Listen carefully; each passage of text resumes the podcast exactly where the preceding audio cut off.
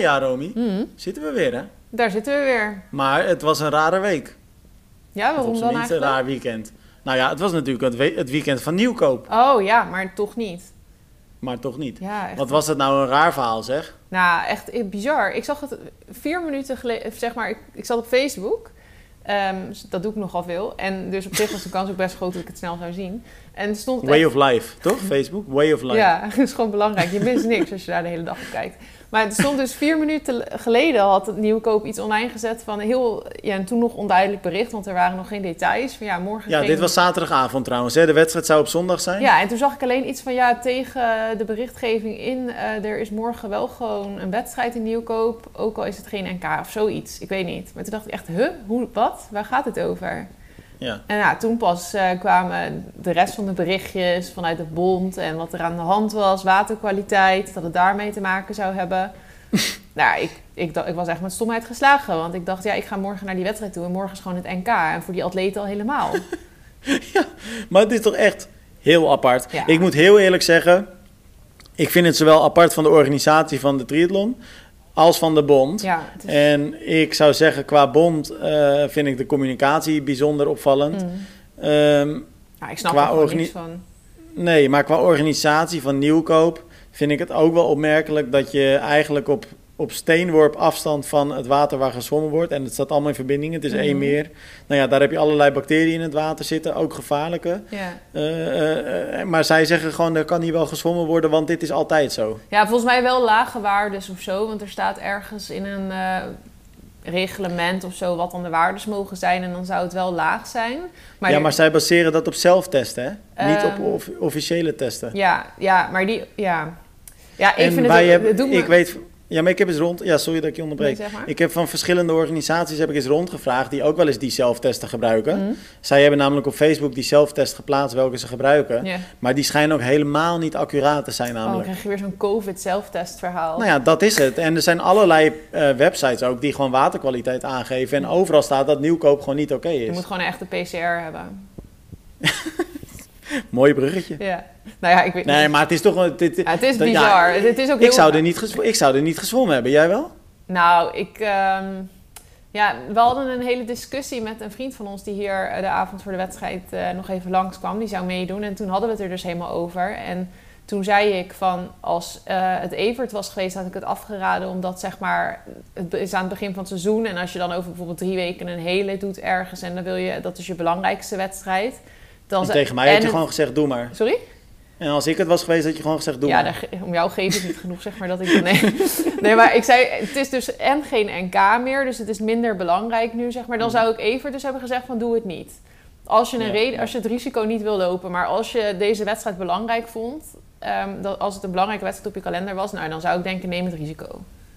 Maar Want ja, wat is het risico? De afgelopen jaren was het ook steeds al slecht. Dat is waar. En Maar- er zwemmen daar allemaal kinderen blijkbaar, heb ik gehoord, die ook... Ja, maar dat vind ik van die worden. kul-argumenten. Ja, nou maar even, heb je van iemand gehoord dat hij ziek is geworden? Ik van helemaal niemand. Nee, dat eh, gelukkig niet. Maar ik bedoel, dat, dat maakt het nog steeds een raar argument. Want het- ik bedoel, er zijn ook heel veel mensen die naast chemische fabrieken wonen. Maar dat wil je toch ook niet? Wat grappig, dit voorbeeld dat eh, noemde iemand anders ook al. Dat, Ja. ook Nou, maar al ja, dat is toch best-. Ja, nou ja, maar dat is toch zo? Ja, nee, maar ja, dat is wel zo. Maar op zich, je hebt heel vaak ook wedstrijden waarbij het water wel wordt goedgekeurd. En dat er dan achteraf echt 1 op de 10 Ja. of zo ziek is. Het is best iets Ja. wat wel eens voorkomt. Dus het vind, ik vind het juist eigenlijk opvallend dat ik het nu nog van niemand heb gehoord. Dat, eh, dat inderdaad wel. Nou ja, ik ben alleen maar blij toe. Maar het is wel eh, voor alle partijen natuurlijk ontzettend vervelend hoe dit gelopen is. En ja. het is echt krankzinnig dat je dit op zaterdagavond om, wat was het? Ik geloof acht uur of zo. Ja, Ja, maar en eh, na twee hoort. jaar corona, hè? het echt Het apart. is echt heel klote. De organisatie was ook wel echt pist op de bond, hè? Ja, ja, en dat snap ik als ik het zo hoor. Maar ja, het is natuurlijk ook wel weer lastig te zeggen. Want je hoort van allebei één kant van het verhaal, zeg maar. Dus ja, je weet het ook Ja. niet precies. Maar goed, Nieuwkoop is een wedstrijd die altijd top georganiseerd is. Al jarenlang, oude wedstrijd al. Leuke Een wedstrijd. hele ook. leuke wedstrijd. Dus ja, ik, en volgens mij staat er ook echt een goede organi- organisatie zit er gewoon achter. Ja. Dus ik, Nou, het is wel wat heel dat sneu. betreft. En dan, dan hoor je ook regelmatig de verhalen vanuit de bond en andere organisaties die ook wel eens moeite over dingen hebben met de bond. Dus dan, ja, dan denk ik wel een beetje, hmm, ja. ik weet niet. Nou ja, aan de andere kant, eh, het was dus eh, nou ja, het weekendje van Nieuwkoop. Maar ehm, het was ook het weekendje van Gerardsbergen. En ehm, nou ja, jij zou naar Nieuwkoop gaan. Ik was zondag in Gerardsbergen bij de Challenge. Mhm.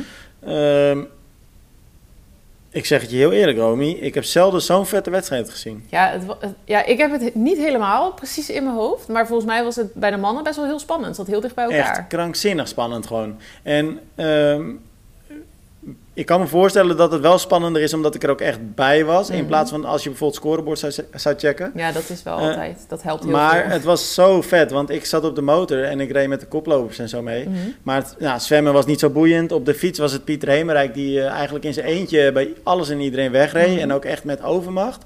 Maar eh, hij had een gat van twee of drie minuten.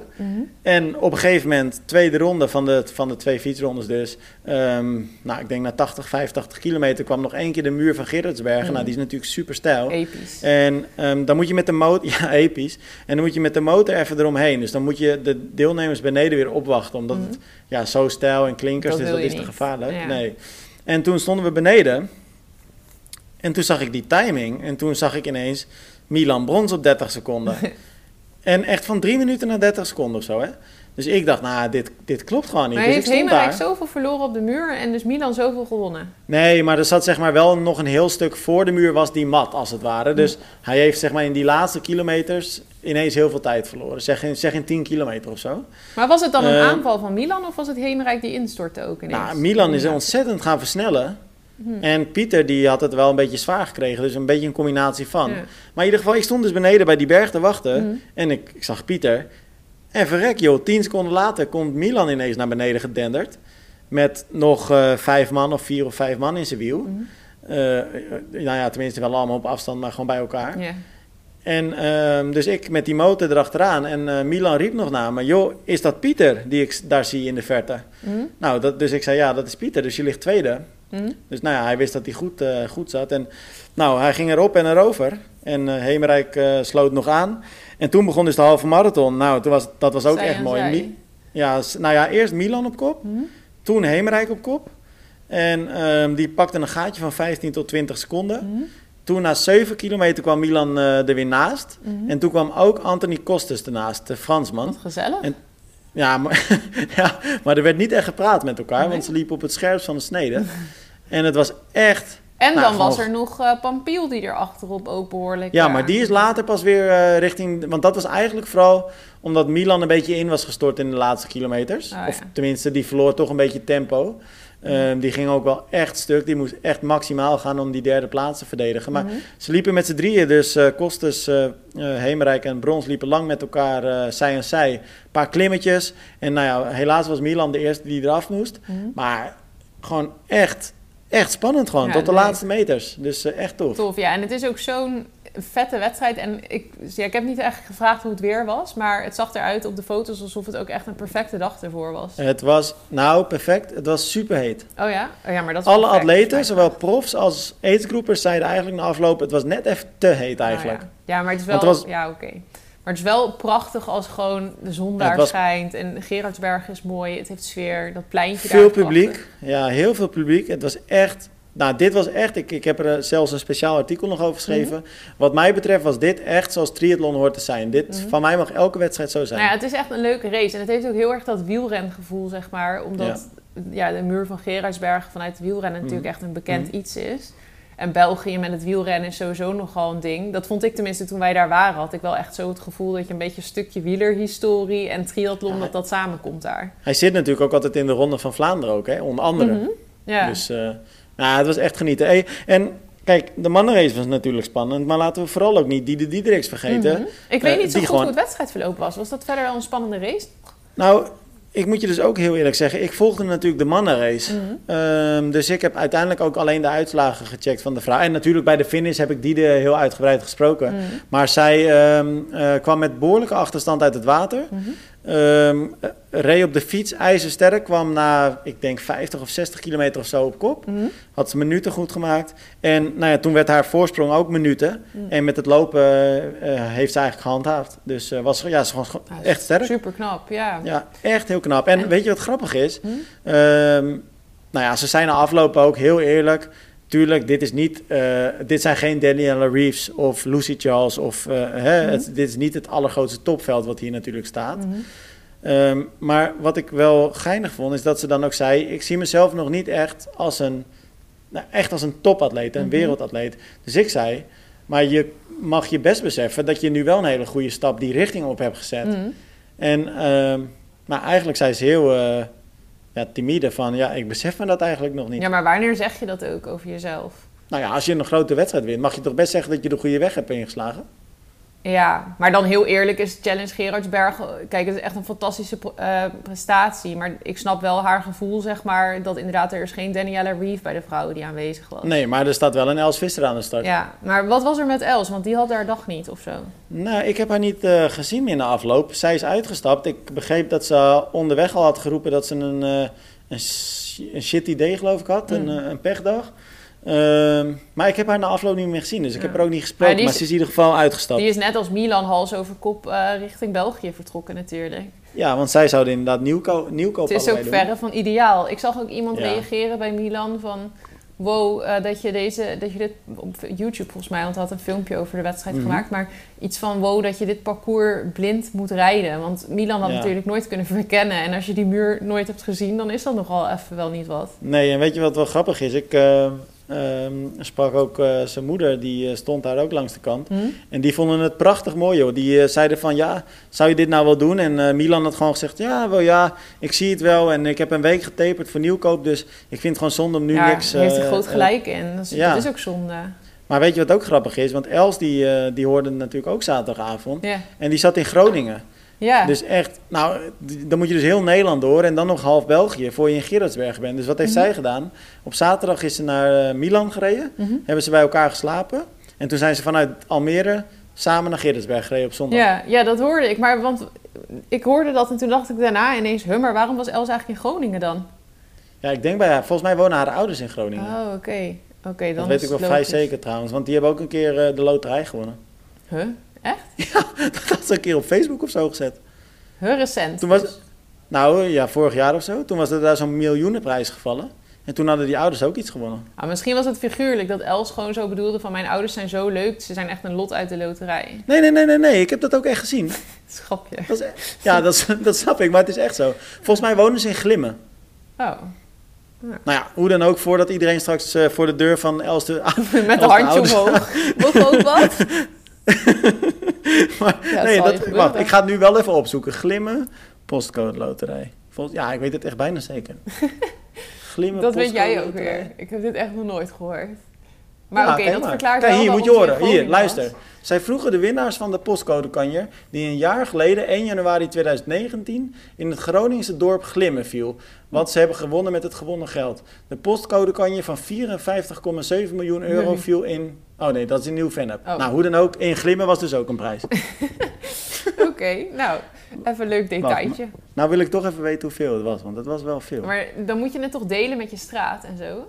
Ja, maar kijk, ik zie nu een foto Doe van jij allemaal... mee daaraan? Nee, jij wel? Nee. Maar ik zie nu allemaal vrolijke mensen in Glimmen... en die hebben allemaal een cheque van 76.000 euro in de Staan zeker wel te shinen. En ze staan In te shinen hoor. Dansen zie ik, feest, lach, lach op de gezicht. Maar weet je wat is met de postcode loterij? Dat is echt zoiets waarvan je dan lid moet zijn. Omdat als het dan in je straat valt, dat doet gewoon Ja. iedereen uit angst. Dat je dan niet de enige bent die dan niks heeft.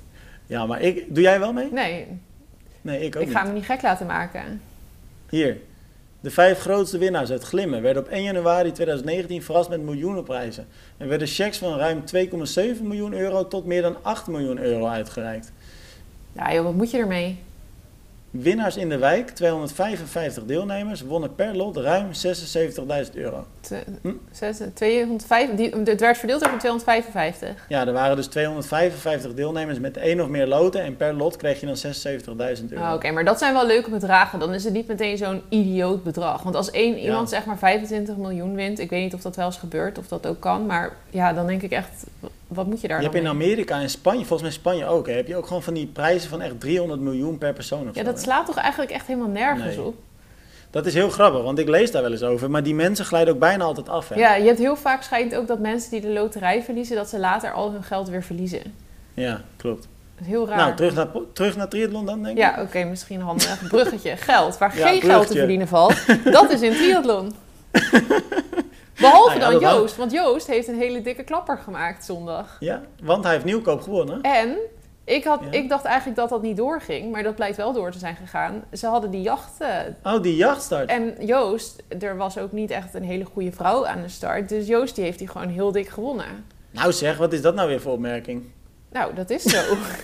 Want tegenover Els Visser, zeg maar, was het nog een super spannende strijd misschien geworden. Ingrid Ilkema, die heeft gewonnen, vlakte niet uit. Ja, nou ja, maar in ieder geval, Joost leverde trouwens ook een super prestatie. Tristan eh, werd tweede, geloof ik. Dus eh, Mhm. het was ook volgens mij ook best nog een spannende race bij de mannen. Maar wat heeft hij gewonnen dan? Nou, voor die, eh, 2500 euro. dat is wel serieus. Of 2000, nee, volgens mij was het 2500. Dat is toch lekker dan Dat is toch-. Chill, dat je gewoon naar nieuwkoop gaat en dat je gewoon zoveel geld wint. Nou, inderdaad, ja. Ja, dat, dat is echt Wel leuk ook trouwens dat Joost wint. Ja, Ja. superleuk.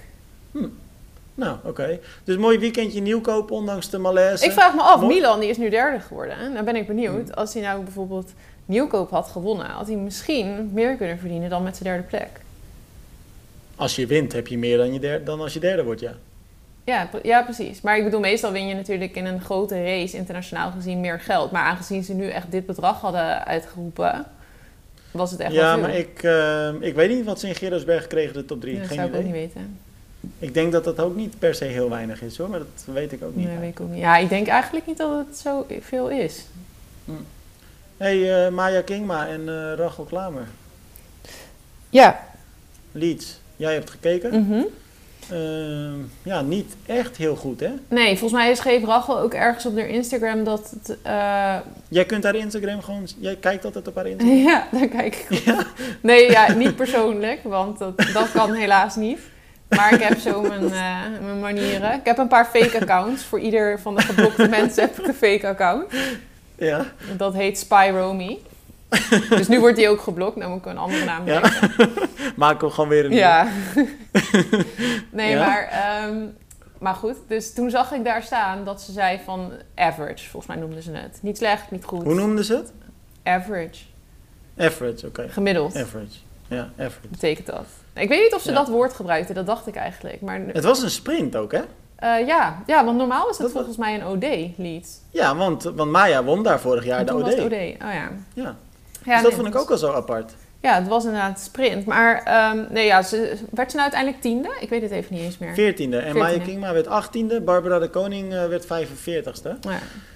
Eh, maar ik begreep uit jouw verslag, want ik heb eh, de wedstrijd niet kunnen kijken. Hm. eh, maar dat Maya ook vooral terugviel tijdens het lopen, geloof ik, hè? Ja, klopt. Maar ik, ik had Maya ook... ik vond haar met zwemmen ook even niet zo heel sterk. Maar Maya had er ook ergens last van gehad. Dat had ik ook op Instagram gelezen. Gewoon via mijn eigen account. Dat, eh, volgens mij was ze ziek geweest. Ah, dus eh, dat zal waarschijnlijk mee hebben gespeeld. Ja. Nou, jammer. En, maar want, Richard eh, Murray, want dat is nu ook een Nederlander, hm. die deed het wel heel goed. Ja, maar kijk, Richard, Rich- Richard, Richard Mm. die eh, weet natuurlijk ook eh, dat topsport pijnlijden is. Dus die gaat echt, eh, tot, de, tot, de, gewoon echt tot de grens. Ja, gaat over maar de ik grens vind het wel knap, want ik, ja, hij had steeds best wel slechte races en zo. Ik had eerlijk gezegd niet echt verwacht dat hij weer zo op dit hoge niveau zo terug kon komen. Maar was het echt een eh, topveld? Ik denk het wel, hè? Oké. Nou ja, ja, was het wel ja. Nou, dus hij, werd echt, zevende eh, volgens mij. Ik zeg het nu ja. allemaal uit mijn hoofd. Ja, hij werd zevende Ja, inderdaad. ik vond het echt wel heel erg knap. Nou, dat is inderdaad... hij liep eh, sterk. knap. Hij was ook in de relay, eh, deed hij het goed. Al liep, haalde hij wel een penalty binnen voor Nederland. Maar goed, die 10 seconden maakte uiteindelijk ook niet meer zoveel uit. Voor wat? Dus eh, nee, dat was wel Voor, echt knap. voor wat kreeg hij de penalty? Omdat hij iets niet goed in de bak had gegooid, geloof ik. Ah, oké. Ja. Nee, maar ik, ik ben het helemaal met je eens. Het is echt... nou ja, je, is- Richard Murray rent richting geweldige zevende plek. WTCS Leeds had je opgeschreven. Mhm. Maar ehm, ja, eens. Het is echt een topklassering. Ja. Eh, dus eh, wat dat betreft fijn dat hij voor Nederland uitkomt. Dat Ja. is toch een Nederlands succes dan, hè? En een, eh, ja, want nu mogen we gewoon trots zijn, hè? Toch voelt dat altijd een beetje fake. Vaderlands Heb je dat niet? Ja, maar... Het, ja. Maar ik Ja, heb hem nu wel bedoel, omarmd. niks, niks ten nadele van Richard, hè? Maar ik bedoel gewoon in het algemeen... van die sporters die dan geneutraliseerd Ja, worden... dat is dan voelt het toch altijd een beetje Ja, dat anders. is een zo. beetje gek, ja. Maar ik vind het nog wel een beetje anders doordat hij dan wel een Nederlandse vrouw heeft. En doordat hij wel echt al best wel een tijd heel erg betrokken is ook bij de bond in Mhm. Nederland en zo. Mhm. Via Rachel, dan ja, is het ook weer niet alsof hij als echt een totale vreemde binnenkomt. Maar het is wel een beetje gek, ja. Dat is het ook. is wel op zich ehm, eh, fijn, want mensen hoeven dan niet meer eh, boos te zijn... dat, eh, dat hij op trainingskamp meegaat op kosten van de bond en zo. Waren mensen daar boos wel. over? Nou ja, ja, hij was natuurlijk geen Nederlander en hij ging wel heel vaak gewoon mee op kosten van de bond. Op mijn belastingcenten. Op jouw belastingcent? Nou, Nee, maar zonder dolle. Maar dat, ik snap best dat, dat, eh, eh, Mhm. dat sommige mensen dat vervelend Ja. vinden. Want ook andere atleten, die mochten dan niet mee. ja, nee, dat is ook wel raar. Maar ik, ja, ik heb geen idee hoe dat uiteindelijk zit. Hm. Of die, eh, Nou, in ieder geval, nu is het gerechtvaardigd. als Rachel toch een bed had op een kamer, dat ze dachten van, nou ja, dan eh, kan hij er wel naast. Maar er worden toch ook vliegtickets geboekt en er moet toch ook gegeten Ja, maar hij worden. zit maar niet... Misschien zat hij bij Rachel op schoot trouwens. Ja, je slaat nu weer een beetje door. hè. hey, Nee. die eh, mixed relay. eh, ja, ik wou nog zeggen over de mannenrace trouwens. Eh, Vincent Louis die reed dus gewoon vol de rekken in. Ja, Dat was wel even daar? raar. Ik heb het filmpje gezien. Huh? Had hij een blackout? Ik weet, ja, hij dacht dat hij nog een rondje moest. Maar je zou denken dat hij wel eerder ook al zag van dat de motor afhaakte. En dat, dat ook... ehm God, met wie fietste die nou? Leo Berger. Dat die ook eh, afremde om te gaan wisselen. Dus je zou denken dat je wel iets ziet. Op een gegeven moment ook dat de hekken dicht zijn en zo. Maar blijkbaar niet. Want ja, op een gegeven moment toen hij het zag was het ook te laat. Want toen kon hij niet meer remmen, denk ik. Ging gewoon de re- rekken in. Ja, Aan het einde van de wisselzone. Hij, hij ging dwars door de wisselzone. Gewoon vol de volgende ronde in, zeg maar. Ja. Nou ja, Ja. Hij, hij, ging niet echt hard onderuit, geloof ik, hè? Nee, het viel echt heel erg mee. Terwijl op zich, het ging best wel redelijk hard volgens mij hoe die die rekken inreed. Nou, daarover gesproken. Ik reed dus in Gerardsbergen op de motor. Mhm. Of, ja, ik zat dus achterop. En op een gegeven moment moesten we even onder een lint door. En die motorrijder, ik heb eh, nou, vaak op een motor gezeten, maar Mhm. dit was toch wel een van de slechtere eigenlijk. Oh. Ehm, en die dacht dus op een gegeven moment, nou dan pak ik wel de stoep. Maar dat was een, nou ja, je hebt wel eens bij bijvoorbeeld bushalters, heb je zo'n hele hoge stoeprand. Hè? En dat was zo'n stoeprand. En hij dacht, ik pak wel even die Mm. stoeprand. Maar wel gewoon stapvoets. Maar toen stond hij dus met zijn voorwiel erop. En ik was afgestapt. en toen dacht hij, ja, dat gaat wel. Maar dat achterwiel, ja, dat blokkeerde gewoon volledig. En toen zat hij met die onderkant van die motor zat hij op de stoeprand. Oh mijn god. Maar heel apart. Hij dacht nog steeds, ik ga gewoon rechtdoor in plaats van ik ga even een paar stappen naar achteren. dan maakte die motor ga- helemaal kapot. Ja, nou, de olie kwam er dus gewoon uit. Oh nee. Maar kon je daarna nog wel door dan? Nou ja, dat geluk hadden we, of ik in ieder geval, want we hoefden nog maar twee kilometer en dat lukte. Oh, Nou, toen ben ik maar snel afgestapt. oh maar wat zielig. Ja, maar dan, ik, dat is toch ook ja, wel een dat is beetje wel een stom. beetje dom dan. Ja. Wat raar. Hey, eh, terug naar Leeds. het is weer eh, een goeie. Ja. Maar eh, wat ik ook leuk vond, en ook wel best wel onverwachts, want eh Beaugrand won gewoon, won gewoon weer eens. ja. Knap hè?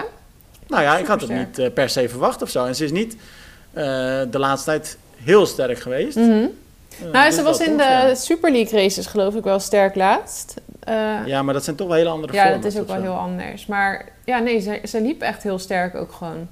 Ja. Ja, super Nou. knap. En Flora Duffy was eigenlijk eh, wat minder van voren te zien. Ja, dat mag ook wel eens een keer, toch? Ja, ja, die heeft ook niet echt de perfecte voor- voorbereiding op het seizoen gehad. Volgens mij met corona en op een gegeven moment wel lang last gehad van vermoeidheid. Hm. Dus, Nou, de Nederlandse mixed relay eh, kwam in eh, een hele nieuwe volgorde nu. eh, of ja, eigenlijk nieuwe formatie. De vrouwen hetzelfde, Kingma Mhm. en eh Klamer. Maar mannen kregen...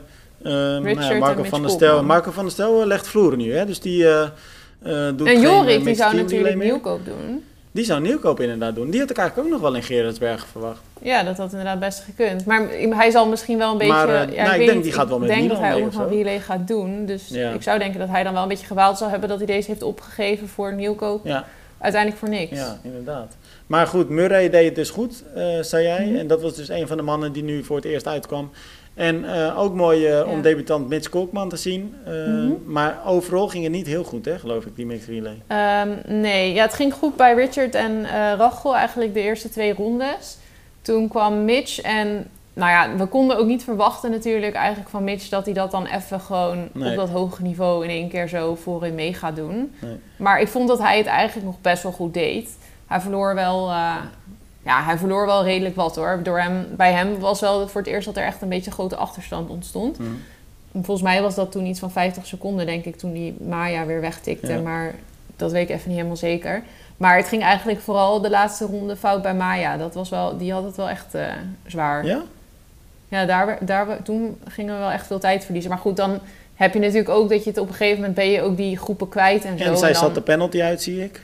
Ja, dat ook nog eens. Dus dat kostte er ook nog eens een keer 10 seconden. Maar ja, wat jij dus ook voor al haar zegt. was het ook wel een lastige positie waarin ze wegging. En als jij, wat jij ook zegt, als zij ziek was, ja, dan een tweede race in twee dagen, dat is natuurlijk ook best wel, eh, wel pittig. Ja, ja, je moet, maar met zo'n relay team moet je ook wel gewoon hebben dat iedereen goed in doen is. Zeg maar. Het is wel, er wordt wel hard geraced. Ja. Zo kort, zo hard. Hm. Hey, uh, iemand die wel, uh, nou ja, daarover gesproken. Ehm, want dan denk ik dat het best wel goed is om voor Maya om, om even goed uit te rusten. Mhm. En ehm, dat brengt me eigenlijk op het volgende onderwerp. Want we hebben ook een gast vandaag. kijk, en dat zal ik zo nog eventjes uh, wat uitgebreider vertellen als Yves uh, daadwerkelijk is aangesloten. We hebben Yves uh, te gast van Blackroll. En ehm, nou ja, ik zou zeggen, luister even mee. Ja, want bij ons, Romy, zit dus Yves van Blackroll. En nou ja, ik weet niet of ik het helemaal goed zeg, Yves, maar eigenlijk ben jij nou ja, een beetje een, een, een master trainer, maar ook natuurlijk sales agent. Je bent gewoon verantwoordelijk voor best wel veel binnen Blackroll. Um, en Romy en ik hadden het er net al eventjes kort met elkaar over, maar ik ben wel heel erg benieuwd hoe jij erover denkt. Kijk, triatleten zijn natuurlijk heel erg gebaat bij uh, hard trainen, maar ze zijn ook heel erg gebaat bij rust. En uh, nou, er wordt ook niet voor niets wel eens gezegd dat rust natuurlijk een ontzettend belangrijk, eigenlijk het vierde onderdeel van triathlon is. Uh, maar gek genoeg wordt het ook best wel vaak vergeten. hoe komt dat, Yves? Ja, inderdaad. Dat is uh, een, een, jammerlijk iets dat iedereen weet het wel, maar het wordt inderdaad, zoals je zegt, heel vaak vergeten. Het wordt snel aan de kant geschoven. Eigenlijk een beetje zoals core stability, techniektraining. zijn ook die zaken die eigenlijk zo belangrijk zijn. Maar die inderdaad, dat zijn de eerste dingen die sneuvelen in het programma. En uh, vandaar dat we ook altijd samen met de atleten eigenlijk en, op zoek gaan naar van oké, hoe kun je het in je dagschema inpassen? Uh, om, om het er toch in te krijgen dat het niet iets is dat er bovenop komt. Want je hebt, de meeste van ons hebben al eh, eh, een gezin en het werk en dan ook nog eens die, die, die flinke trainingen erna. En dan is dit zo mm. precies iets van ja, en dit moet er ook nog bij. Uh, dat is het een beetje, hè? Ja. ja. En waarom zou het heel belangrijk zijn omdat, ja, het is misschien vragen naar de bekende weg, maar ja, waarom is dat zo belangrijk? om daar tijd voor vrij te maken? Ja, het is inderdaad zo dat je gewoon, weet je, je, je zit altijd, iedereen weet van we gaan trainen en we gaan opbouwen naar een wedstrijd.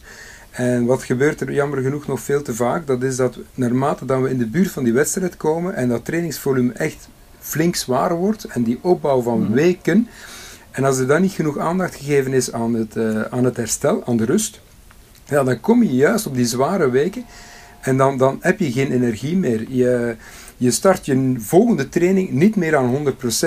En dan ga je eigenlijk je curve, je trainingscurve gaat omhoog, maar eigenlijk je, je prestatiecurve gaat eigenlijk zachtjes aan meer en meer en meer naar beneden, omdat je niet 100% hersteld bent. Dus vandaar mhm. dat het inderdaad zo belangrijk is om gewoon ja, telkens terug 100% te zijn als je de volgende training ingaat. En hoe vind je daarin dan de balans? Want kijk, je zegt het al, die, die trainingsopbouw is natuurlijk vaak wekenlang, eigenlijk maandenlang. En dan heb je natuurlijk piekmomenten en, en rustigere periodes. Maar heel vaak is het zo dat triatleten toch wel een soort uh, trainingsopbouw hebben waarbij ze twee weken bijvoorbeeld eh, steeds zwaarder trainen en dan een weekje wat rustiger, dan weer twee weken zwaarder, nou ja, enzovoort. Mm volgens mij zijn triatleten ook heel gewoon om te zeggen, Ehm, het hoort er een beetje bij, die vermoeidheid en dat gevoel van vermoeidheid. En het is ook niet zo erg om soms vermoeid een training te beginnen. Hoe vind je daarin dan de juiste balans? Want hoe weet je dan of je nou net over die grens heen bent gegaan of dat je nog nou ja, aan de goede kant zit eigenlijk? Ja, nou, dat is inderdaad, want je kan inderdaad wel, ja, je hebt een zwaardere weken en dan raak je een beetje vermoeid. En dat voel je ook wel, dat je zegt van, goh, het is, het is zwaar. Maar dan kun je eigenlijk vrij makkelijk zien. En zeker triatleten zijn er ook meestal mee vertrouwd om bijvoorbeeld de rustpols te nemen s ochtends. Mhm. als je ziet dat die rustpols 5, 6 hartslagen hoger is dan normaal, dan weet je dat je eigenlijk al flink over de grens heen bent. Ja. En, en, dat kun je gaan vermijden door uiteraard je rust te nemen, sowieso, letterlijk slapen. Uh, maar ook door gewoon te zorgen dat je lichaam optimaal kan functioneren. En wat dan wij dan met Blackroll voornamelijk werken eigenlijk op, op fascia, dus op, op het bindweefsel.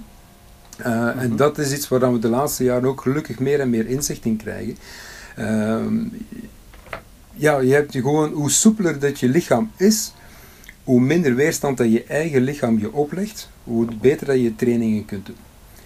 Ja. En daar gaan wij mede toe bijdragen, dankzij eigenlijk alle materialen van Blackroll, om dat bindweefsel zo soepel mogelijk te maken, dat we op zijn minst al de weerstand van ons eigen lichaam, dat we die niet gaan hebben.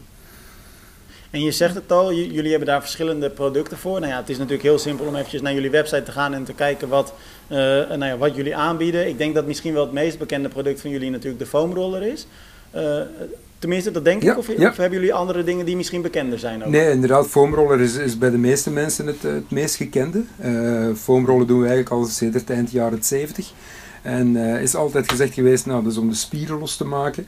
En eigenlijk in onze optiek en met alle kennis die we ondertussen vergaard hebben, uh, en niet alleen wij als Blackroll, maar gewoon de medische wereld en ook de sportwereld, is het inderdaad om, om je bindweefsel los te maken. En uh, om het een beetje uh, makkelijk voor te stellen, kun je eigenlijk gaan weten van oké, we, we zitten in ons lichaam zit in een verpakking, dat is onze huid.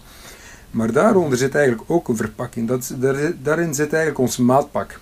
En dat maatpak, dat is ons bindweefsel. En waar we vroeger altijd dachten van, ja, dat bindweefsel, dat is gewoon een stug iets om alles samen te houden. Uh, zijn we meer en meer te weten gekomen, dankzij de nieuwe technologieën, dat dat niet stug bindweefsel is, geen stuk structuur, maar dat dat eigenlijk een soort sponsachtige vorm is. En wat gebeurt er nu door te trainen? Of door het tegenovergestelde, door juist heel weinig te bewegen, want dat is dan niet naar de triatleten, maar laat ons zeggen, de, de mensen die, die minder sport of geen sport doen, die komen een beetje in hetzelfde terecht. Die spons die ons ombrengt, die wordt uitgeperst. En als die uitgeperst wordt, dan gaan die celletjes tegen elkaar kleven en dan wordt dat eigenlijk één, ja, hoe moet ik het zeggen, één stugge spons. En uh, alles wat, die, die, die, die, dat bindweefsel, dus die spons eigenlijk, die zit overal langs en tussen. Dat wil zeggen dat die overal verkleeft. En dan ga je de spierbundels op elkaar eigenlijk gaan vastkleven. En dan kunnen die. En dat betekent eigenlijk, denk ik, makkelijk gezegd, dus dat je stijf wordt, toch? Ja, ja dat is inderdaad het, het gevoel dat je hebt als je eigenlijk, eh, ik zeg maar iets, voorovergebogen gaat staan en je voelt dat je eigenlijk je hele rug en je onderrug, dat dat eigenlijk allemaal echt tegentrekt. Ja, dat is eigenlijk dat pak dat we hebben, dat maatpak, dat eigenlijk twee maten te klein is geworden. Ja, hm. ja, ja. En hoe lang moet je dan, want als ik nou bijvoorbeeld naar mezelf kijk en ehm, nou, ik ben gewoon een gemiddelde atleet die misschien wel bovengemiddeld uh, vaak traint qua uren, zeg maar, qua omvang. Ehm, en bovenal gewoon een heel groot liefhebber die eigenlijk elke dag met triathlon bezig is. Ehm, tegelijkertijd weet ik ook van mezelf dat precies dit hetgeen is waar ik eigenlijk gewoon veel te weinig verstand van heb. En wat ik ook persoonlijk uh, niet serieus genoeg zou nemen. Ik denk dat er voor mij veel meer uit te halen valt. Maar waar ik dan een beetje tegenaan loop, en ik denk dat ik voor best wel heel veel triatleten eigenlijk spreek. Um, kijk, want wat jij zegt, dat vind ik een heel logisch verhaal. En, en je, je weet natuurlijk gewoon, als je heel eerlijk naar jezelf toe bent, dat je gewoon 100% gelijk hebt wat jij nu vertelt. Maar tegelijkertijd weet ik nooit zo heel goed hoe je dan, um, ja, hoe moet ik weten welke uh, producten dan bijvoorbeeld voor mij het handigst zijn, of wat voor oefeningen ik moet doen. Hoe kom je daarachter als je daar niet veel verstand van hebt? Ja, of hoe lang ook inderdaad. Ja, of hoe lang inderdaad, ja. Ja, nee, dat zijn inderdaad hele, hele correcte vragen. Dat is ook iets waar, dat, uh, waar dat we met Blackroll heel veel op, op inzetten. Dat is voornamelijk verspreiden van de kennis en de mensen alle mogelijke informatie door te geven. Uh, mm -hmm. Eigenlijk als je echt de, de de theoretische achtergrond wil weten, dan kun je heel makkelijk naar de website gaan, blackroll.com. En daar is een, eh, een van de kopjes is kennis. En daar staat eigenlijk alles wat we weten over, over fascia, over bindweefsel, over welk effect dat het heeft op de spieren en op de slaap ook, uh, op, de, op, de, op het herstel. Daar staat het eigenlijk allemaal in kleine artikeltjes heel eenvoudig uitgelegd. Eenvoudig, maar wel correct. Daarnaast hebben we ook een applicatie gemaakt. En daar staan ondertussen meer dan 500 oefeningen in. Zowel om regeneratie te gaan benaderen, dus echt het losmaken van de fascia, maar ook door mhm. het activeren van fascia en spieren. Dus op die manier gaan we eigenlijk gaan ondersteunen. En welke producten heb je dan nodig? Wel, eigenlijk wat, wat ik aanraad als, als zelfcoach zijnde, uh, is eigenlijk gewoon een, een, een vlakke standaardrol. Uh, En dan een klein balletje. En eventueel een klein rolletje voor onder de voeten. En ik ga even toelichten wat, uh, wat belangen daarvan is. Je kan met een klein balletje kan je eigenlijk heel makkelijk in alle richtingen gaan draaien. Stel je voor, je, je bilspieren. De meeste van ons zitten hele dagen neer op een stoel.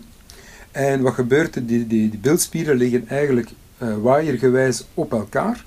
En dat bindweefsel dat ertussen zit, dat wordt gewoon gedurende de dag uitgeperst. Waardoor dat die, bind, die beeldspieren op elkaar kleven. En dan gaan we het s'avonds gaan hardlopen, of we gaan zwemmen, of we gaan fietsen. En dan moet ineens die, die, die, die beeldspierpartij moet die ineens soepel van elkaar kunnen bewegen. Nou, dat lukt niet. En als je gewoon een harde bal neemt en je gaat daar op zitten en je rolt gedurende één minuut gewoon die ene bil helemaal uit. En wat is dat? Dat is echt kriskras in alle richtingen uitdraaien. En een heel belangrijke tip hierbij is, je gaat voor jezelf op zoek naar een gevoel van 6 op 10 op de pijnschaal.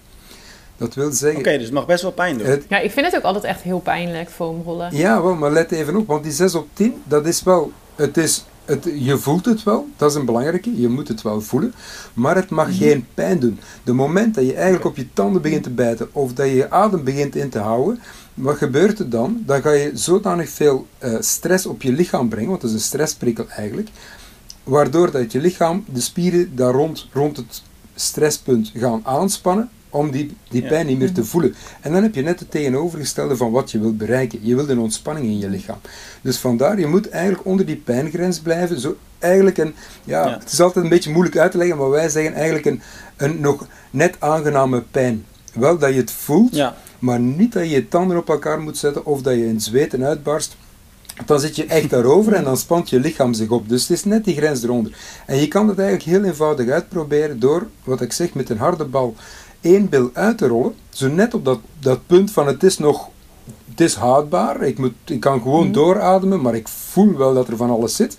En dat doe je ongeveer een minuut. En dan neem je dat balletje weg en dan ga je op je beide billen op de grond zitten en dan ga je gewoon eens schommelen van je ene bil op je andere. Als je dat voor jezelf even uitprobeert, dan ga je direct snappen wat ik zit te vertellen van die spons. Want dan voel je natuurlijk het verschil tussen je linker en je rechterbil, bedoel je eigenlijk? Ja, inderdaad. Dan voel je dat die ene bil volledig soepel is, dat die eigenlijk mooi glijdt, dat die precies platter wordt, vlakker wordt. En dan weet je van, oké, maar en, en eh, dan weet je waar, waar dat je heen moet. En we zijn eigenlijk zodanig gewend geraakt om ja, ons eigen lichaam, ons strakke pak, dat twee maten te klein is, zijn we eigenlijk jammer genoeg zodanig gewend geraakt dat we niet meer weten wat het is om lekker soepel in ons lichaam te zitten. Iemand die bijvoorbeeld alle, elke dag aan yoga doet, yoga werkt heel veel op het bindweefsel ook, op lange rekke posen, die, die, gaat, die voelt gewoon dat hij veel soepeler in het lichaam zit en daardoor veel makkelijker kan bewegen. Maar jij zei, hè, je heel terecht, en, uh, want ik denk dat dat voor 90 tot misschien wel 95 procent van de Nederlanders en ook de Belgen uh, uh, geldt, of überhaupt eigenlijk voor heel veel mensen. Um, we zitten urenlang, hè, iedere dag zitten we urenlang op een stoel of, of op een bank, of we liggen. Mm -hmm. dan kan ik me ook voorstellen dat juist omdat je dat urenlang doet, dat één minuut rollen op een dag te weinig is. Of is dat, is dat toch voldoende? Het is, het is voldoende als je dat combineert met andere oefeningen. Uh, dat wil zeggen, je moet eigenlijk bindweefsel is, is het helemaal in heel ons lichaam, in alle richtingen. Maar je hebt ook bindweefselketens. En uh, dus stukken bindweefsel die ononderbroken aan eilen gezet zijn. En eigenlijk de langste keten die we hebben in ons lichaam, die begint vanaan onze toppen van onze tenen. Die loopt onder onze voedsel door. En de voedsel in het Latijn is plantair fascia, dus de bindweefsel. En die hangt in één stuk door aan de Achillespees, de kuiten, hamstrings, bilspieren, rugspieren, tot in de hals, over de schedel heen. En die eindigt eigenlijk pas aan de wenkbrauwen. Dat is echt één volledige streng. Dus dat wil zeggen, als je je voeten uitrolt, dan ga je daar al een ontspanning maken, waardoor dat je voeten platter op de grond komen te staan. En dan bedoel ik niet dat je platvoeten gaat krijgen, maar dat je breder gaat staan, dat je beter stabiliteit hebt en dat je minder, uh, minder rek hebt, eigenlijk minder weerstand in je voeten. Dat wil zeggen dat je automatisch minder rek gaat hebben op je Achillespees, je kuiten, hamstrings, bilspieren enzovoort. Ja. En dat kan je eigenlijk heel eenvoudig doen met een balletje, of wij gebruiken dan liever een klein rolletje, omdat je dan minder uh, stabiliteitsproblemen hebt. Je kan je voet gewoon vlak op dat rolletje zetten en je kan rustig op zoek gaan naar die 6 op 10. En ik raad altijd aan, zet dat kleine rolletje in je badkamer naast je tandenborstel. Mm. Ja. Je poetst ochtends en s avonds, de meeste mensen van ons poetsen ochtends en s avonds hun tanden. Heb je een elektrische tandenborstel is helemaal makkelijk, want er zit een timer op. Ga je gewoon één minuut je linkervoet uitrollen, één minuut je rechtervoet, ja. s ochtends en s avonds. En dan heb je al vier minuten gerold elke dag. En zou dit nou ook raadzaam zijn als je nou uh, niet alleen dit, maar ook het foamrollen van bijvoorbeeld je hamstrings of je, je quadriceps, uh, na bijvoorbeeld een hele lange, zware duurloop? Ik dacht namelijk altijd dat je het eigenlijk ook een beetje voor je spieren deed. Um, mm-hmm. Maar ja, is dat dan slim om bijvoorbeeld na een hele zware training ook te doen? Kan dat dan de spierpijn verminderen? Of is, dat, is de impact op je lichaam dan al zo groot geweest dat, het, dat je het beter de dag daarna kan doen, bijvoorbeeld? Nee, je kan het perfect na een lange training doen. Uh, we, we raden zelfs aan in eerste instantie, doet een aantal, doe een aantal zaken voordat je gaat hardlopen of voordat je gaat fietsen. En wat dat komt te zeggen van die bilspieren, die kleven op elkaar. Als je een hele dag op een stoel gezeten hebt en je wilt s'avonds een goede fietstraining hebben, nou, als je op je fiets gaat zitten, dan voel je gewoon je onderrug die, die tegenwerkt. Je bilspieren die in eerste instantie tegenwerken. En uiteindelijk gaat je lichaam toegeven, maar als je net ervoor één minuut linkerbil, één minuut rechterbil gaat uitrollen, dan ga je dat verschil voelen, heb je al veel minder weerstand. Dus dat doe je voor je mobiliteit, voor je soepelheid te verbeteren doe je dat voor je training. En we spreken echt over minuutjes, enkele minuten. Dus het is niet zo dat je een kwartier extra moet doen. Neem vijf minuutjes tijd voordat je, je op je fiets stapt, voordat je je fietsschoenen aantrekt. Ga je je voeten uitrollen, voordat je je koersbroek aantrekt, ga je je billen uitrollen. En het neemt je letterlijk vijf minuten. En dan stap je op je fiets, heb je al veel beter, uh, veel betere souplesse. En nadien, na je training, ga je inderdaad zorgen, als je dan gaat uitrollen, uh, ga je ook zorgen dat de afvalstoffen veel sneller verdwijnen. Hm. Want het heeft, afvalstoffen... En het heeft dus niet echt per se met spieren te maken. Of ja, indirect wel, maar het is niet zo dat je je spieren wel. masseert. Ja, wel, uiteindelijk wel. Uh, uiteindelijk wel. Maar wat, wat, voordat je aan je spieren geraakt, moet je strakke pak uh, ruimte hebben. Okay. Als je bindweefsel vastzit, als je ook, kijk, als je naar een fysiotherapeut gaat of je gaat naar een sportmasseur, die starten altijd een massage met lange strijkingen. Mhm. En dat is enerzijds voor de doorbloeding op te wekken, maar dat is ook om dat bindweefsel los te maken. Als mhm. je pak te strak zit, dan ga je eigenlijk gaan forceren om toch tot in die spier te geraken. En het enige wat je lichaam gaat doen, is nog meer tegenwerken. Dus ga eerst, vandaar die strijkingen die je ook hebt. Dus na een zware training, zou ik zeggen, doe het niet direct daarna, want dan staat je lichaam nog volledig in de aanstand. Ja. Hey, en jij noemt dan die, die foamroller hè, om je voeten bijvoorbeeld te rollen. Uh, je hebt die bal genoemd. Um, als je die twee producten nou hebt, ben je dan compleet? Of zijn er nou nog dingen waarvan je zegt, dat loont ook de moeite? Want jullie hebben ook bijvoorbeeld een massage... Ja, ik weet niet of dat precies de naam is, een massagegun eigenlijk. Mm -hmm. Ja, de... Wat heb je nou echt nog meer nodig? Of is dit voldoende? Ja, eigenlijk als je gaat zien naar gewoon een, een, een, standaard rol. En dan een mini-rol voor de voeten en eventueel de onderarmen, afhankelijk van wat je doet. En een balletje dat, dat is eigenlijk het basispakket dat in mijn optiek of in onze optiek elke sporter zou moeten bezitten, zodanig dat je elk deel van je lichaam op de correcte manier kan gaan uitrollen. Heb je de mogelijkheid om inderdaad zo'n fascia gun te kopen? Want we hebben inderdaad veel massageguns, massagetoestellen. Uh, onze heet een fascia gun. Waarom? Omdat we echt op dat bindweefsel gaan werken om op dat bindweefsel goed te kunnen werken is het ook weer belangrijk. Ik heb net gezegd, je moet die 6 op 10 gaan benaderen. Dus je moet het wel voelen, maar het mag geen pijn doen. dat hebben we ook met onze fascia gun. Die heeft twee standen, dus heeft vier standen in totaal. Maar de eerste twee standen blijven onder de 30 hertz van frequentie. Nu, dat wordt een beetje theoretisch, maar het is bewezen dat alles onder de 30 hertz gaat je lichaam gaan uh, triggeren om te herstellen, te regenereren. Eens dat je daarboven gaat in frequentie, dus dat het harder gaat worden, dat het sneller gaat kloppen, dan ga je je mhm. spieren gaan activeren. En daarin maken we toch wel het onderscheid tussen onze fascia gun en de massageguns die op de markt zijn, dat we die twee standen hebben die laag in frequentie zitten, die echt puur op het herstel van het bindweefsel gaan werken. En ja, dat is, een, dat is gewoon een prachtig toestel. En dat loont zeker de moeite omdat je dankzij die trillingen nog meer door het bindweefsel gaat werken. Dat je ook de de, de, de prikkel diffuus gaat maken. Dus je gaat minder snel het gevoel hebben van ik zit hier op een 6 op 10. Wat dat prima is. Mhm. Je lichaam gaat niet tegenwerken. Je zit natuurlijk ook een klein beetje in een andere prijsklasse te werken. Dat is mhm. gewoon zo. Je zit met een, eh, met een hypermodern elektronisch toestel, waarbij dat je met onze foamroller, met, een, met ons balletje, zit je met een stevig polypropyleen materiaal dat heel licht is, dat heel sterk is en dat bovenop eigenlijk nog eens spotgoedkoop is ook. Maar het is wel zo dat als je wat luier bent, dat die gun dan misschien weer heel fijn is. Want ik zie me zo voor me dat je dan gewoon op de bank kan zitten. Dat is iets voor jou, Romy. Ja, ja daarom is ik dacht dat is voor mij top. dat is inderdaad, dat is inderdaad het, het, verschil. Uh, als je met een foamroller en een balletje aan de slag gaat, dan moet je even voor de bank gaan zitten op de grond. Ja. En dan moet je zelf actief aan de slag. Als je met een massagegun aan de slag gaat, of onze fascia gun, dan kun je inderdaad gewoon op de bank blijven zitten en toestel voor jou laten werken. Ik vergelijk het een beetje ook als, als je kan je tanden poetsen met een manuele tandenborstel of met een elektrische. En manueel of elektrisch, uiteindelijk komt het erop neer dat je je tanden poetst. Mhm. Maar je met een elektrische maak je 10.000 bewegingen in twee minuten. No way dat je dat kan doen met een manuele tandenborstel. Nee. Mhm. Dus dat is een beetje het vergelijk. Maar Ja. kort, of lang verhaal kort, of in, ik kan ook zeggen interessant verhaal kort. Ehm, eigenlijk eh, kan ik toch wel de conclusie trekken, of mag ik de conclusie trekken, dat we eh, atleten eigenlijk stom zouden zijn als ze niet de tijd nemen om hier moeite in te steken. En, eh, want je hebt er gewoon zelf veel profijt van. Dat is eigenlijk heel kort gezegd het verhaal. Ben jij dus stom, Ja. Tim? Ja, ben, nee, maar dat ben ik. Dat, dat, maar dat, dat gaf ik natuurlijk eerder aan, in het gesprek ook aan. Dat komt ook een beetje vanuit die onwetendheid, omdat je niet zo goed weet wat je moet doen. Ja. Want ik, Ja. en, en nu ik Yves dan zo hoor praten, wat je, hè, hoe makkelijk het eigenlijk is en ook hoe weinig tijd het kost. Want ik moet ook eerlijk zijn, dat is inderdaad ook echt een pre. Dat, dat je niet een half uur of nog een uur iets moet doen. Mhm. Ehm, dan denk ik wel bij mezelf, ik ga dat inderdaad wel vaker doen, ja. Ik Nou ja, dan moet je hem eigenlijk ook naast de bank zetten. Gewoon zo'n eh foamrol of een balletje. Nou ja, maar dat is dus ook het stomme, want ik heb ze ook gewoon, ik heb ze gewoon liggen. Ja, maar als je ze ergens naast een kast op je slaapkamer boven neerzet bijvoorbeeld, dan kom je er misschien natuurlijk niet zo Ja. snel aan. Nou, ik ga ze inderdaad bij mijn tandenborstel zetten. Ik vind dat een goede tip. Ja, dat is wel slim. Oké. Dat is inderdaad iets wat, we- wat we aanraden.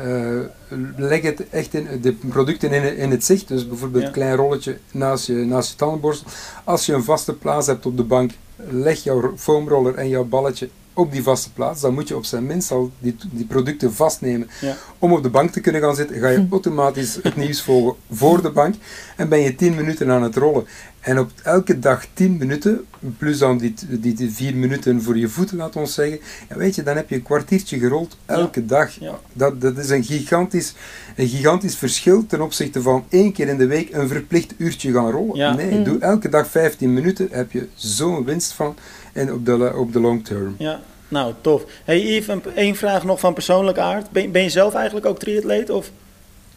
Eh, nee, ik, eh, ik heb wel triathlon gedaan tot kwartafstand. Oké, Eh, maar toen heb ik het een beetje laten schieten omwille van, van het zwemmen. Eh, het ochtends om, om 7 uur in het zwembad liggen, dat was echt een hele opgave voor mij. Ja, voor mij ook hoor. En ik ben dan ja, een tijdje overgestapt op, op duathlon, cross-duathlon. Oké. En eh, we hebben een hele leuke wedstrijd in België, dat is de, de Hel van Kasterlee. Ja, natuurlijk. Ja. Eh, die, die is heerlijk en eh, daar heb ik aan deelgenomen. En dan, ehm, Tof.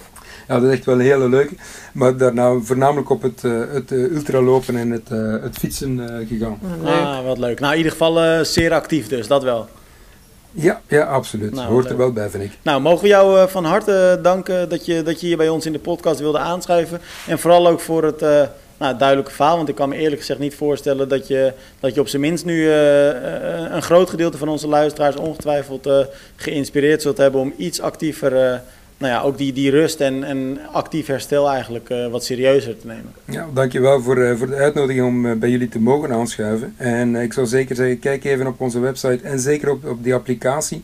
Kun je heel perfect ingeven welke materialen die je hebt, welke oefeningen dat je wil doen. En eh, dan krijg je daar altijd oefeningen met filmpje, met aftelklokje, alles erop en eraan. En die is helemaal gratis, dus eh, kun je zeker Nou, voldoende, voldoende informatie uithalen. Super. Top. Yves, dankjewel. Dankjewel. Heel graag gedaan. Tot later.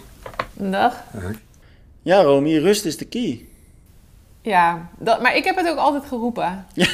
Jij doet eigenlijk vooral rustig gewoon. Ja, ik doe 80% rust, 20% activiteit. ik ga dat ook doen. Maar nee, maar serieus, ik ga wel echt die black roll, eh, nou ja, Mhm. dat balletje even, ik ga dat wel doen. En dat, dat foamrollen ook. Ik denk wel echt Ja, dat, nee, dat je daar profijt ik vind het ook wel fijn om te horen dat het niet zo lang moet. Want Nou, ik dat, had altijd het gevoel dat als ik het ga doen, dat het dan meteen een kwartier moet. En dan ben ik het echt na een halve minuut al helemaal zat. Ja. Maar en ik denk dat je er ook een beetje aan moet wennen en wat handiger in moet worden of zo. Want Ja. ik doe het altijd een beetje klungelig. Mhm. Nou, iemand die wel echt goed gerust heeft, denk ik. eh, want hij heeft echt heel knap gepresteerd. Wouter Dijkshoorn.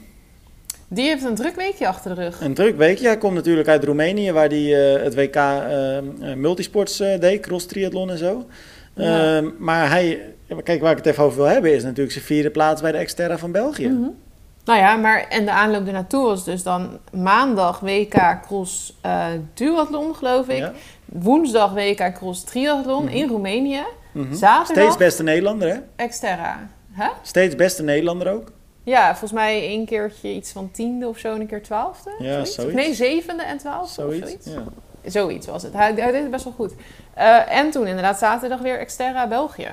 Ja, maar had jij nou verwacht dat hij vierde zou worden? Ik, ik bedoel, ik vind het echt heel knap. Ja, ik vind het ook heel knap. Maar ik moet wel heel eerlijk zeggen dat ik niet zo goed weet... eh, ik ken die atleten niet zo goed in dat Exterra-wereldje. Ik Dijkshoorn, die eh, ik, trouwens, ik zeg, ik eh, ga het even verbeteren. Hij werd zevende op de duathlon, cross duathlon en elfde op het WK cross triathlon. Oh, Oké, maar zat ik wel goed in de buurt. Precies. Maar echt, Maar- echt sterk weekje dus. Ja, heel sterk. Ik herkende wel die naam Sebastian Carabin of zo. Volgens mij deed hij mee bij die extra race waar Wouter dus vierde werd. Mhm. En er was volgens mij nog een naam die me wel bekend klonk maar, ik, klonk. maar ik vind het dus altijd wel een beetje lastig te zeggen... Ja, die extra atleten wie daar in, in dat veld dan goed zijn. Ja, maar het niveau is sowieso echt wel hoog. Ja, nee, dat sowieso. Want je ziet wel dat het dus ook echt specialisten zijn. Ja. En kijk, eh, heel eerlijk. Dat trouwens ook, want Richard Murray deed recent in Exterra. En die eh, zat toen niet, stond toen niet op het podium, geloof ik. Ja, maar je kunt ook weer niet elke exterra met elkaar vergelijken, denk ik. Nee, dat is ook zo. Eh, los daarvan. Eh, maar kijk, eh, het is Wouter ontzettend gegund. Want hij is niet per se de allerjongste atleet, denk ik. Of of, hè, dat, ik denk wel dat ik dat mag zeggen. Ehm, maar, nou ja, we hebben volgens mij... leeftijd, denk ik, toch? Ja, dat denk ik. Ik denk inderdaad dat hij... Ja, ik denk dat hij net nog iets ouder is misschien dan ik. Ehm, Maar wat ik gewoon... We hebben dat volgens mij laatst ook al een keer over Wouter gezegd. Wouter is een atleet die echt bij eigenlijk alle wedstrijden waar hij start... altijd, altijd goed is of zo. En Mhm. hij springt er niet per se altijd helemaal bovenuit... maar hij is Ja. altijd een constante factor. Ik denk dat dat is omdat hij echt heel erg geniet ook van Ja. wat hij doet. Ja, dat denk ik ook. Ik denk dat dat echt super erg helpt. Dat het ook heel veel druk weghaalt of zo. Dat hij dat ook niet te veel op zichzelf legt. Dat hij, dat, ja, dat hij het gewoon echt doet omdat hij het leuk vindt. Ja, dat denk ik ook. Wij hebben natuurlijk toen met Triathlon ook een keer die eh, instructiefilmpjes met Wouter opgenomen over Mhm. eh, hoe je je wetsuit en zo aan kan trekken. Dat soort eh, handige tips. Echt, en dat was ook gewoon echt een hele gezellige dag. En dat- ik weet het nog goed, want dat deden we bij de... Ja, volgens mij heet dat dus, ik weet niet, het Sloter, Sloterplas of zo. Ehm, Mhm. Maar het was echt super koud. En het waaide en het was eh, nou, gewoon koud. Echt koud. Ik had het met mijn winterjas aan koud. Maar Mhm. het- hij was ook nergens te beroerd voor. Hij wilde elke keer dat filmpje wel even overnieuw doen als ik zei dat het net niet mooi was. Of hij, nou ja, hij vond dat ook gewoon leuk. En Ja. ik denk wel dat wat jij zegt, dat dat waar is. Als je zo in elkaar zit, dan is het ook makkelijker om goed te presteren of zo. Ja, ik vind ook altijd als je hem spreekt, is hij wel heel realistisch en gewoon Ja. lekker down to earth. Ja. Gewoon. Ja. Ja. en enthousiast over de sport. Wat je dus ook ziet, en dat, daar komt nog een artikel over online. Dat hij samen met drie andere mannen die ook erg fan zijn van het hele cross-circuit, zit hij in ehm, Cross Try NL heet het. Mhm. En zij proberen de crosssport in Nederland weer wat beter op de kaart te zetten en te promoten. Omdat ze zien dat het een beetje ja, naar de achtergrond verdwijnt. Ook met het verdwijnen van het NK-cross Mhm. eh duathlon en NK cross, cross triathlon. Dus zij proberen de sport weer te promoten en ze organiseren dit jaar ook een eh, alternatief NK eh, cross triathlon op Ameland. Maar daar komt binnenkort nog een artikel over online met meer informatie daarover. Maar Ja, dat is dus ook wel heel leuk, want daar zet hij zich dan ook heel gepassioneerd voor in. Tof. Alright. Hey, ik ga even naar Almere. Oh. Ehm, ik ga even punaises op de dijk gooien. Oh ja. Wat? Ja, ik moest nog aan je denken, want ik had het artikel getikt terwijl jij aan het fietsen was. Ja. En toen dacht ik, nou, straks rijdt hij er doorheen. Nou, en ik heb op de Gooimeerdijk gereden. Ehm, geen grapje. past Dat is, want dat is eigenlijk het triathlon parcours. En Mhm. ik heb een rondje challenge, eh, althans eh, onder andere een rondje challenge gereden. Maar, nou, ik vind het een gestoord verhaal. Want, kijk, ik kom natuurlijk uit Almere, dus ik volg ook vaak het lokale nieuws gewoon nog steeds. Ehm, Mhm. En dit is echt al jaren aan de gang. En eh, wat is het, eh, drie, vier weken geleden of zo denk ik, was Try Almere natuurlijk. En... Mhm. Nou, toevallig fietste mijn moeder toen eh, de vrijdag voor het evenement, ehm, eh, een dag voor het evenement, op de dijk ook. Eh, Mhm. En toen belde ze mij en ze zegt: Tim, geef het even door. Want ehm, er liggen ontzettend veel punaises hier op de Meen dijk. niet? Ja, nou echt waar. En Op diezelfde plek. dezelfde plek, altijd. Het is Oh. eigenlijk bij het haven, vlak, vlakbij het havenkommetje daar. Dus gewoon iemand die heeft gewoon een hekel aan fietsen. Nou ja, weet je wat ik denk? Tenminste, ja, ik weet niet. Dat zou het inderdaad kunnen zijn. Maar het zou mij ook niks verbazen als het gewoon kinderen zijn die dat grappig vinden hoor. Ja, maar een kind gaat, die doet dat dan één keer. Een kind gaat dat toch niet iedere keer doen? Ja, dat weet ik dus. Dat vraag ik me dus af. Nee, dat doet een kind uit baldadigheid en dommigheid één keer. Dan daarna hebben ze er vaak denk ik ook nog een soort van spijt van. Dan denken ze, wat heb ik nou weer gedaan? Dan doen ze niet nog een keer. Of ben ik nou heel naïef? Ja, ik weet niet. Dus ja, ik, ja geen idee. Maar ik kan... Ik denk dat het gewoon een of andere gek is die, het dan, die niet van fietsers houdt. Wat moet je je voorstellen? Dat je dan naar de winkel gaat en dan zegt... Ja, Ja, doe mij maar een zakje met 100 punaises. en dat je dan Ja. naar de dijk gaat, waarschijnlijk in de nacht... of in de avond. En dat je dat dan op dat fietspad gaat strooien. Maar ik, ben, ik heb liever op zich die punaises nog dan dat ze van die eh, enge kabels spannen en Dat zo is in bizar, het en dat soort shit. Ja, dat is echt bizar. verschrikkelijk. Ja, en je hebt ook wel eens van die ehm, verhalen dat ze dan... Volgens mij is dat in Zuid-Afrika wel eens geweest of zo. Dat ze je benen afzagen. Ja. Ja, nou, dat is dus ook echt geweest. Gelukkig niet waar wij zitten. Maar zo, dat je van die soort... Die zijn echt zo vijf centimeter breed of zo. Een soort kruis... eh, ja, eigenlijk een Ja, soort van die kraaienpoten. Van die hè? kraaienpoten, toch? Ja, ze heet dat... Ja, zoiets-achtig eigenlijk. Ja, dat is echt krankzinnig, hè? Ja, die vind, want als je dan daarop valt of zo... Ik Ja. bedoel, als je in de punaises valt, oké, is ook echt niet fijn. Maar Nee, nee maar, ja, maar op een punaise ga je niet vallen natuurlijk. nee. Nee, maar als je over die dingen rijdt, je hebt echt een klapband of zo en je valt. Of omdat je schrikt omdat je ze ziet liggen of zo. Ja. Nou, het was, eh, niemand, het was niemand minder dan Jochem Uitdagen die het eh, dit keer had eh, aangetroffen. Ja. Want hij, hij had gezegd op zijn socials... Ja, er zit altijd een... nee, even kijken. Waarom hebben mensen nou zoveel een hekel aan, aan wielrenners? Ja. Hm? Ja. Ja. Moet ik het beantwoorden nu? Nou, nee, het is meer een open vraag. Ja, ik vraag het me ook af. Ja. Nou, wat ik denk... Henk, ik heb er eens een keer een hele discussie met Evert ook over gehad. Maar je hebt er gewoon natuurlijk wielrenners tussen zitten... die gewoon echt met hele groepen rijden en niet aan de kant gaan... En dan op de dijk of zo, weet je wel, waar een auto 60 mag. En dan gaan ze daar zo breed rijden dat een auto er gewoon niet langs kan. Hm.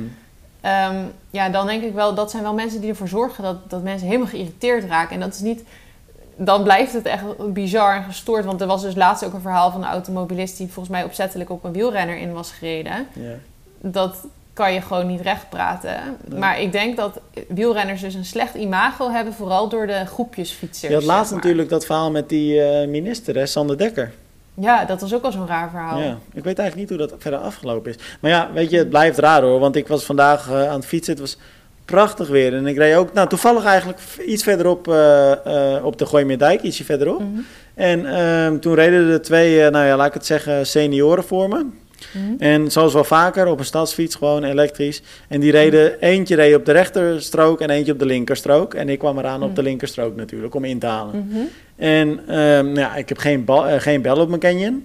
Ehm, maar Ja, ik, riep, ik, ik, ik had ook helemaal geen haast, dus ik reed er heel rustig achter. En ik zei, pardon, gewoon een beetje harde stem. Ja. Hoorden ze niet, want het waren nou ja, senioren die eh, al wat ouder waren. Dus ik Mhm. riep nog een keer iets harder, pardon, weer niet. Nog een keer wat harder, pardon. Nou, toen ging hij aan de kant en dan rij je voorbij en dan roepen ze keihard... Ja, je moet een bel hebben, lul! Oh. Maar dat je echt denkt van, joh, wat is dit voor iets? Ja. Dat is toch niet Ja, normaal? Dat is echt een ding, hè? Daar kunnen ze niet tegen. Nee, maar en, ik- dus, ik, dus ik, ik reed ook heel rustig te laatst. En toen zei ik, joh meneer, is het een idee dat u gewoon rechts aanhoudt? Dan hadden we dit probleem niet. Ja. Nou, dan, dan beginnen ze weer te schelden, dus dan ben ik maar gewoon doorgereden. Want dat schiet maar het is natuurlijk sowieso een ding. In het verkeer heb je zoveel agressie. Ja, maar, ja, maar weet je wat ik altijd zo verwonderlijk vind? Zo'n, dat, kijk, dat je dan nog je ergens aan irriteert. Oké, ik snap het best als je dat, als je dat hebt. Nou ja, prima, Mhm. vervelend. Maar zo'n oude man, want het was, nou, ik denk dat hij wel eh 75 was of zo, minimaal. Maar Ja. straks komt hij een keer de verkeerde tegen, hè? Ja, Want, ja eh, wat wil je dan? ja, want, want er zijn ook mensen die zo'n man gewoon een klap op zijn mond geven, natuurlijk. Ja, misschien denkt hij omdat hij dan ouder is... dat mensen dan denken van... oh nee, dat kan ik niet nou, maken. dat geloof ik niet. Ja, Nou ja, nee, het, het- ja, dat snap zijn ik ook niet. dingen. Maar het is gewoon... Het is wel echt iets vervelends. En het, ja. dat, dat imago zo slecht is, maakt het gewoon gevaarlijk. Ook voor andere wielrenners die Ja. wel proberen... gewoon een goede weggebruiker te zijn... en Mhm. die niet asociaal eh, helemaal links gaan rijden en lomp inhalen op het moment... Ja, weet je wel, die gewoon domme manoeuvres maken. Mhm. Voor hen wordt het ook gevaarlijk, doordat sommige automobilisten gewoon op een gegeven moment, als ze een wielrenner zien, gewoon er niks meer van kunnen hebben. ja, nou ja, En dan veel te strak inhalen en te hard en gewoon geen rekening meer met elkaar houden. hip. Nou, Dat is wel een dingetje. ik eh, denk dat we maar lekker erover op moeten houden. Ja, ik eh, vind het ook wel best, want het is nu kwart over negen. dus ik wil even theetje drinken. Theetje drinken. Dat gaan we doen. Ik ga ook een theetje drinken en dan eh, spreken wij elkaar nou, volgende week weer. Hè? Yes. Alright, see you. Doei. Doei.